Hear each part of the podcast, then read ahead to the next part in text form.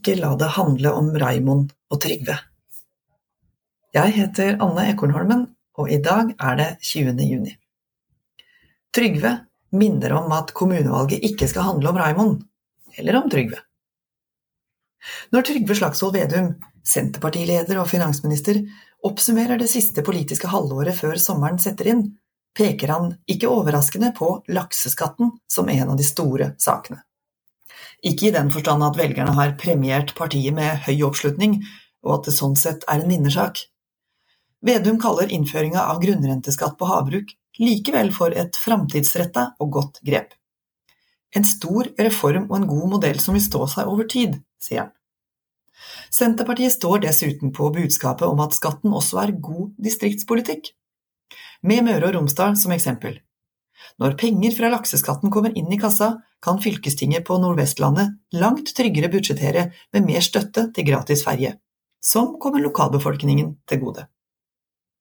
Ikke overraskende fra Distriktspartiet fikk nettopp lokalbefolkningen over hele landet oppmerksomhet på Senterpartiets sommerpressekonferanse tirsdag.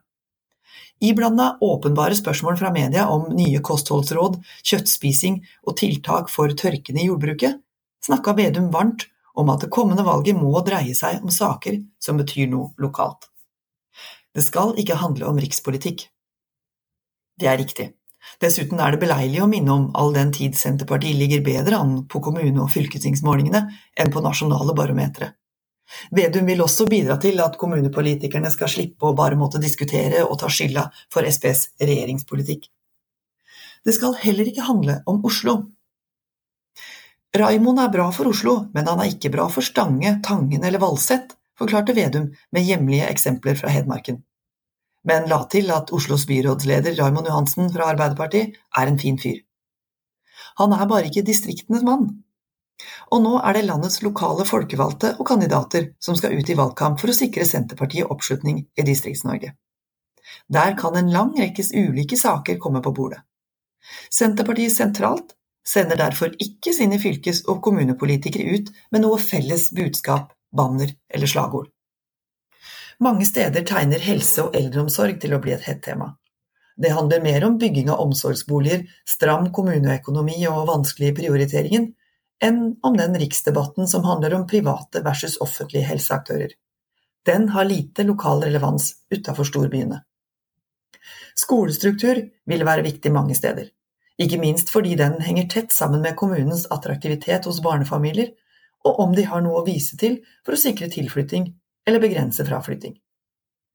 Nasjonalt har Senterpartiet og regjeringa generelt blitt straffa av velgerne for mangelen på strukturelle grep i energi- og kraftpolitikken. Det har gitt Industri- og Næringspartiet vind i ryggen, men akkurat nå tar den varme sommeren luven av det meste av strømdebatten. Mens vindkraftutbygging og arealkonflikter er brennhett i enkelte kommunestyrer, er det mer avklart andre steder.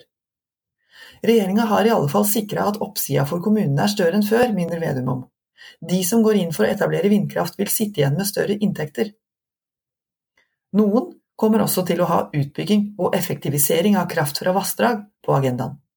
Andre steder er det solceller og mulighetene for salg av overskuddsstrøm som diskuteres mest.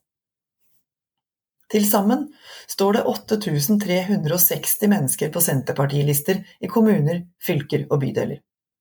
I 346 av landets 357 kommuner over hele landet kan velgerne altså stemme Senterpartiet.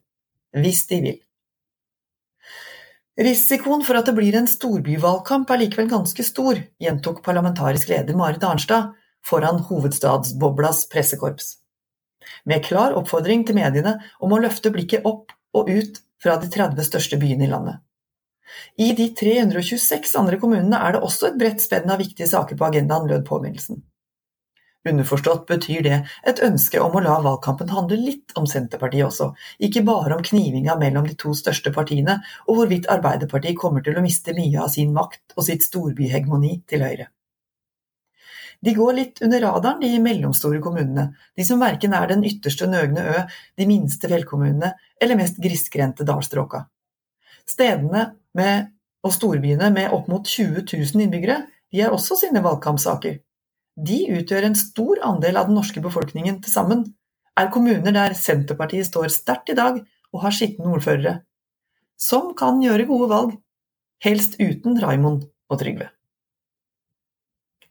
Dette her er Nasjonen på øret. Nå har du hørt Anne Ekornholmen, og vil du høre flere kommentarer, finner du dem på nasjonen.no, og der du hører dine vanlige andre podkaster. Ha en god dag!